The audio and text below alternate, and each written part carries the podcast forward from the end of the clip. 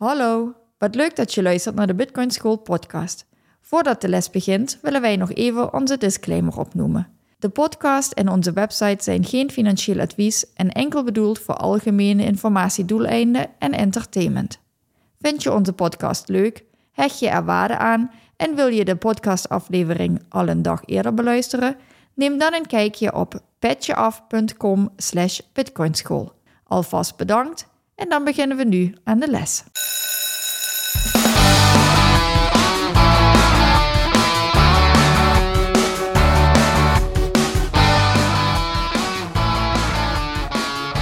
Welkom bij de Bitcoin School podcast. In deze podcast willen we jullie de wereld van Bitcoin dichterbij brengen.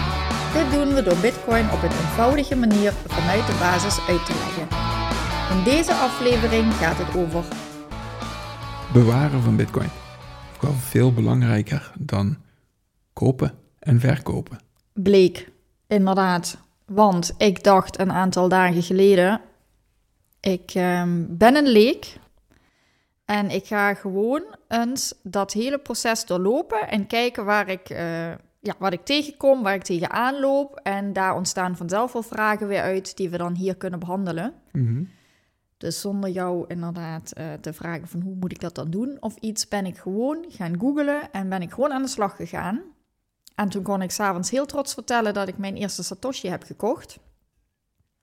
Eh, maar ik had wel zo'n beetje een raar gevoel dat ik dacht, maar ik snap nog iets niet, want ik hoor jou steeds over een public key en een ehm, private key en over woorden die je zou moeten hebben, zonder nou te weten wat dat precies is. Maar ik dacht, ik heb geen woorden. Hoe werkt het dan met die woorden? Ja, en toen heb jij me verteld, nadat je me hebt gevraagd, wat heb je dan gedaan? Nou ja, ik ben naar een exchange gegaan, Mhm. waar je dus eh, toch wel weer een derde partij, maar waar je dus eh, kan inloggen, waar je een heel proces doorloopt, waar je identificeert met een eh, paspoort en nou ja, noem maar op. Je doorloopt een heel proces. Heb ik allemaal braaf gedaan. Dus ik vertelde s'avonds heel trots dat ik mijn eerste Satoshi heb gekocht. Mhm. En wat zei jij toen tegen mij? Ja, helaas, je hebt, eh, je hebt nog geen Bitcoin. Je hebt misschien het eh, recht gekocht op Bitcoin, maar omdat ze nog niet in jouw eigen beheer zijn, ehm, omdat je ze nog steeds op de exchange hebt laten staan, zijn het nog niet jouw Bitcoin, maar is het misschien een recht op Bitcoin of Satoshi in dit geval. Wat had ik anders kunnen doen? Het eerste gedeelte van het proces was, eh, was helemaal goed. En eh, wat je vervolgens nog had moeten doen, is dat je de eh, Satoshi die je gekocht hebt, dat je die daadwerkelijk naar een eigen wallet hebt moeten overmaken. Dus zodat jij ze in beheer hebt en niet meer de exchange waar je ze gekocht hebt. Dat had je moeten doen. En kun je over dat proces meer uitleggen? Hoe bewaar je ze dan? Of welke methodes zijn er om eh, Satoshi of Bitcoin te bewaren? Mhm. Oké, allereerst om Bitcoin te bewaren heb je een wallet nodig. Een beurs. Een, de, de beurs die ik bij me draag of mijn bankrekening zou je als een wallet kunnen zien. Alleen dan in Bitcoin vorm. Dus ik heb een wallet nodig om mijn Bitcoin in te kunnen opslaan. Ehm, bij de exchange waar jij het gekocht hebt, moet je zeggen: Oké, ik wil graag die Satoshi die ik gekocht heb, die wil ik overmaken naar mijn eigen wallet. En je moet dus die exchange opdracht geven om die Bitcoin naar jouw wallet over te maken. En dan heb je ze in jouw beheer. Hoe kom ik aan zo'n wallet? Want ik heb dus bij een exchange dat gekocht. Mhm. Ik heb inloggegevens voor die exchange. Ja. Ik zie daar ook, zeg maar, in het scherm staan hoeveel Satoshi ik dan heb, wat de waarde daar op dat moment van is. Mhm. Maar ik heb dus inderdaad zelf geen idee van, heb ik dan een wallet bij hun? Is dat mijn wallet of is dat hun wallet en ik heb daar een gedeelte van? Dus hoe, hoe kom ik aan zo'n wallet? Nou, allereerst inderdaad, je bent afhankelijk nog altijd van die partij. Hè? Dus je bent Ja. afhankelijk van of die exchange, stel dat die weer eh, de servers eh, uitzetten, dan kom jij nergens meer aan. En dat is punt 1. Hoe kom je aan een wallet? Er zijn verschillende manieren om een wallet ehm, te krijgen. En het ligt er een klein beetje aan hoeveel je geïnvesteerd hebt en hoe serieus je de beveiliging van jouw eigen bitcoin, ehm, hoe serieus je dat neemt, welke vorm van wallet je gebruikt. De makkelijkste vorm van wallet is dat je een app installeert op je telefoon en dat je daar een, uh, een bankrekeningnummer ziet. Eventjes de analogie met, met bankrekening weer, dat je een bankrekeningnummer ziet en dat je zegt van oké, laat mij op dat bankrekeningnummer Ehm, mijn bitcoin uitbetalen vanuit die exchange. Ehm, maar dat is dus als je het op een telefoon installeert. Dat is voor kleinere bedragen is dat geen probleem. Maar als je met wat grotere bedragen gaat, dan brengt dat ook grotere verantwoordelijkheid mee, met zich mee. En dan moet je je bitcoin moet je ook beter beveiligen en heb je een andere vorm van wallet nodig. Want waarom is het niet veilig op de telefoon? Kun je dat even uitleggen? Nou ja, als je je telefoon kwijtraakt, of als je de toegangsdata tot je telefoon kwijtraakt, of je telefoon wordt gestolen, of whatever, dan wil je niet tot er, ter waarde van honderden of duizenden euro's dat je dat kwijtraakt. Je bent er zelf verantwoordelijk voor.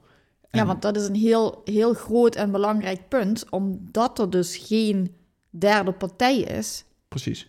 Kan ik ook niet de bank bellen of naar de uh, counter gaan, zeg maar, naar de receptie gaan en zeggen: ik, uh, ik ben mijn pincode kwijt, mag ik alsjeblieft een nieuwe? Nee. Het is dan gewoon weg. Ja, precies. Ik heb ehm, geen service hotline, geen klantenservice die ik kan bellen. Als het weg is, is het weg. Nee, er is geen centrale partij die je kan bellen. Klopt. Dus je bent zelf verantwoordelijk voor het bewaren van jouw eigen bitcoin.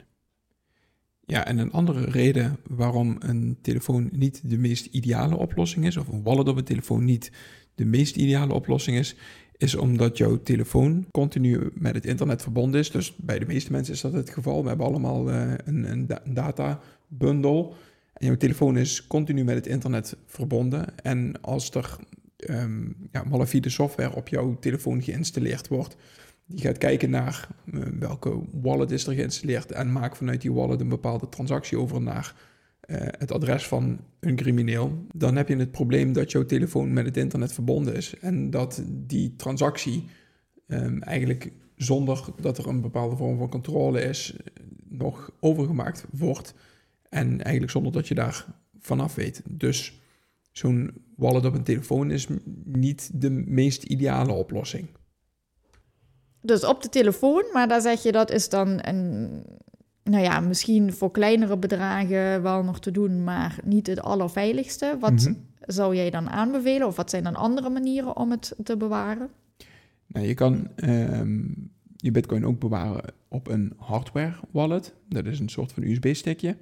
En dat USB-stickje geeft jou de 12 of de 24 woorden.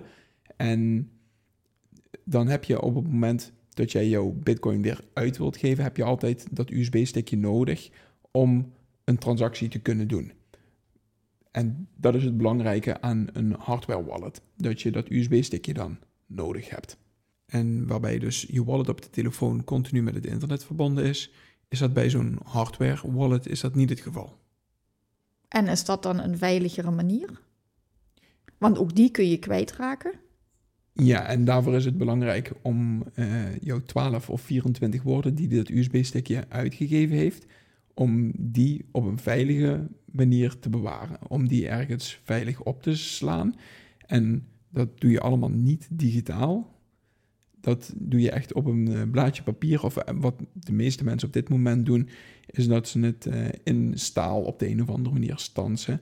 En op een veilige manier niet thuis ergens bewaren. Want de 12 of 24 woorden, dat is eigenlijk het allerbelangrijkste uh, om toegang te krijgen tot jouw pincode van je wallet. Dat is de zogenaamde in Nederlands herstelzin. Ik weet even niet meer hoe het, uh, hoe het Engelse woord is. Recovery seed. De recovery seed. De seed phrase, ja. Ja. Dus uh, we hebben het nou steeds over 12 of 24 woorden. Misschien is dat wel heel ingewikkeld om te onthouden. Dus laten we het gewoon de herstelzin noemen. Mm -hmm. Die is dus het allerbelangrijkste en die moet je dus ergens veilig opbergen. Um, en inderdaad, uh, ja, die, die mag dus A, niemand vinden, dus doe het vooral niet thuis. Ja. En ehm, nou ja, je kan hem op papier schrijven, maar ja, papier is niet duurzaam. Ehm, stel je huis vliegt in de fik of wat dan ook, of eh, je hebt waterschade of wat dan ook, is dat dus ook niet heel erg handig, want dan gaat het papier kapot, ben je de woorden kwijt en kun je dus ook niet meer aan je bitcoin komen. Nee, precies. Dus er zijn dan kits te vinden, zeg maar, dat je dat inderdaad kan stansen of kan, ja, weet ik niet, nog andere manieren? Ja, graveren of whatever. Ja, Ja, oké. Dus de 24 woorden, de herstelzin, Mhm. dat is eigenlijk het allerbelangrijkste. Ja. En verder heb je dan een hardware wallet of je hebt de wallet op de telefoon. Ja, of op de pc of eh, whatever. Er zijn meerdere manieren inderdaad. Maar ehm, op de telefoon of via een hardware wallet, dat zijn op dit moment de meest gangbare manieren om je bitcoin daadwerkelijk in eigen beheer te nemen. Eigen beheer wordt self-custodial of non-custodial genoemd. En dan pak ik eventjes de Engelse termen, maar in het Nederlands kan je het dus vertalen naar eigen beheer. Dan heb je ook nog custodial wallets. En dat is het dat je het niet zelf in beheer hebt. En dat heb je op dit moment bij jouw exchange. Dat is een soort van custodial wallet. Daar heb je niet je eigen 24 woorden. En daar is dus het beheer ja, niet in je, bij jezelf, maar daar ligt het beheer bij een derde partij. Je hebt nog andere wallets als je die op je telefoon installeert, dat dat custodial wallets zijn. Maar wees daarvan bewust dat je dan nog steeds niet de bitcoin in eigen beheer hebt, maar dat er een derde partij is die jouw bitcoin in beheer heeft. Maar hoe weet ik nou als leek of ik nou het beheer heb of dat het nog steeds eh, extern Ja, in beheer is? Dat is voornamelijk, eh, heb jij 12 of 24 woorden gekregen bij het aanmaken van je wallet, dan heb je ze zelf in beheer. Dan weet je dat jij ze in beheer hebt. Heb je die 12 of 24 woorden niet en heb je bijvoorbeeld alleen met je e-mailadres een account moeten aanmaken of iets dergelijks, eh, en zie je dan je balans van Bitcoin, dan weet je dat die 12 of 24 woorden bij een derde partij ergens ligt, waar je je aangemeld hebt met je e-mailadres, dan heb je ze niet zelf in beheer. Heb je je herstelzin zelf wel, dan weet je dat, je dat jij ze in beheer hebt. Oké, en zodra ik ze zelf in beheer heb, kan ik ze dus ook rechtstreeks gebruiken en rechtstreeks naar iemand anders overmaken. Ja, klopt. Dan heb ik ook geen derde partij meer nodig. Nee, precies. Het enige wat je nodig hebt is ehm, het IBAN-nummer van de partij waar je het naar wil overmaken, of het Bitcoin-adres waar je het naar wil overmaken. En dan kan je, eh, dan kan je de Bitcoin overmaken of de Satoshis. En zijn er nog kosten verbonden? Zijn er voor- of nadelen qua kosten?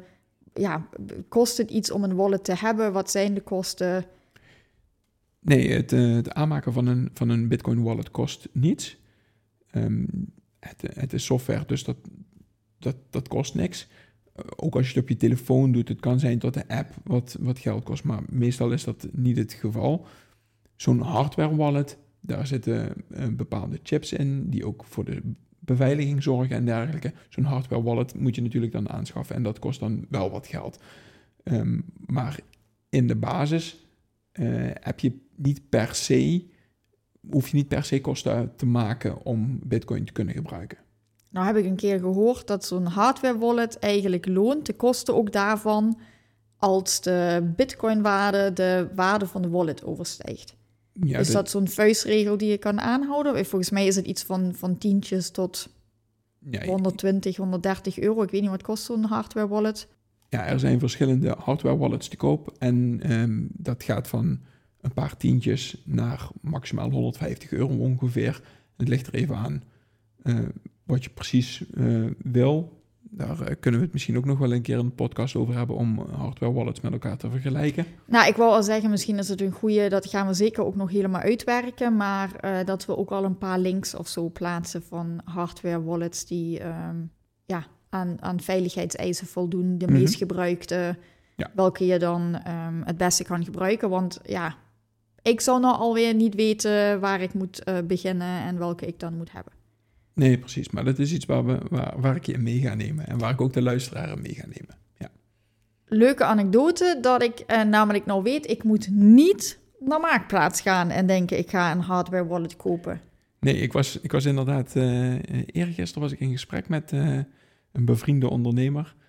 Nou, ik wist dat hij een, een tijdje bezig is geweest met bitcoin. En ik vroeg van, heb, je een, eh, heb je dan een wallet? Heb je een hardware wallet? En toen zei hij, nee, die heb ik op Marktplaats verkocht.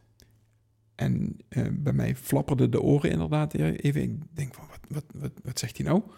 Die heeft hij op Marktplaats verkocht. Allereerst ehm, wil je niet jouw hardware wallet op internet verkopen. Maar ik vond de andere kant, de koper, snapte ik helemaal niet. Want ja, wat, je weet niet wat er met die hardware wallet gebeurd is. Je weet niet wat voor een. Het zou zomaar kunnen zijn dat een, hacker op de een of andere manier wat software op die hardware wallet installeert. En daarmee ja, zijn eigen voordeel ermee doet om, uh, om de bitcoin die jij denkt te kopen, uh, zich toe te eigenen. Dus daarom, als je een hardware, hardware wallet koopt, koop die alsjeblieft nooit op marktplaats of weet ik wat, maar koop die altijd bij de leverancier. Ja, je gaat zelfs zo ver dat je zegt bij de leverancier, dus ook daar niet bij een tussenpartij als een Amazon of een bol.com of um, ja. ja, niet, niet van een vriend overkopen of wat dan ook. Gewoon geen tweedehandse en ook geen vanuit een tussenpartij.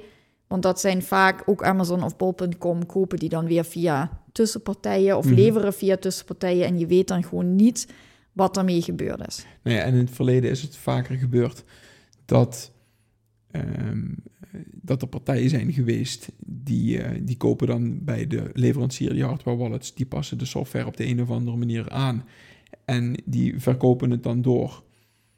Uh, en dan zit je met een gehackte hardware wallet. En als je daar dan bitcoin op zet, dan ben je binnen no time ben je bitcoin uh, ben je kwijt. En ja, dat is gewoon niet slim. Dus koop het altijd bij de leverancier.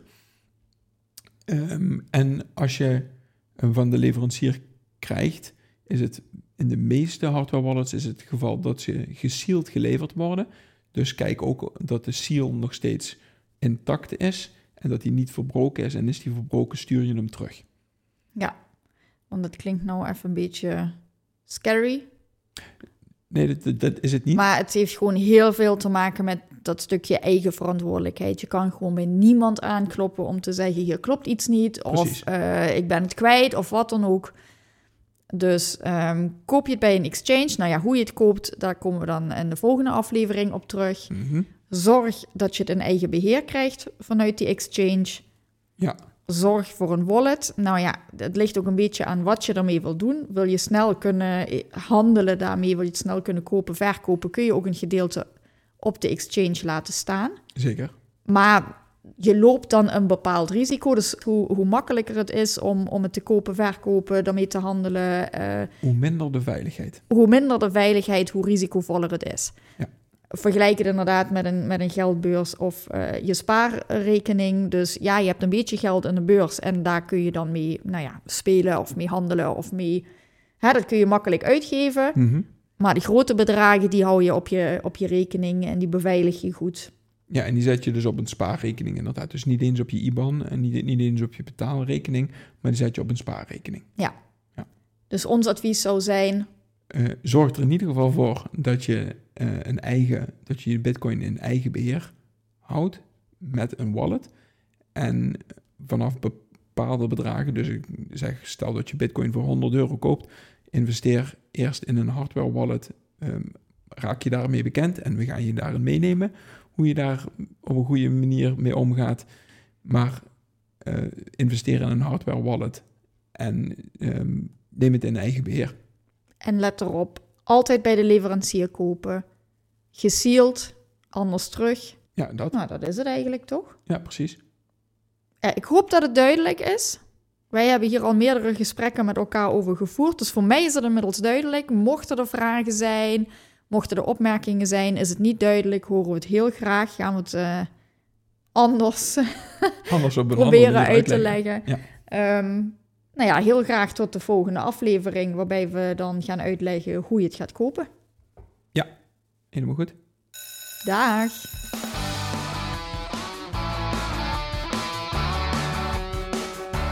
Bedankt voor het luisteren van deze les. Je kan onze podcast beluisteren via Spotify, Apple Podcast, YouTube en alle andere grote podcastplatformen. Wij zijn ook actief op Twitter en Instagram. Daar kun je ons bereiken. Heb je dus vragen of opmerkingen? Stuur ons dan een berichtje naar bitcoinschoolnl op Twitter of Instagram.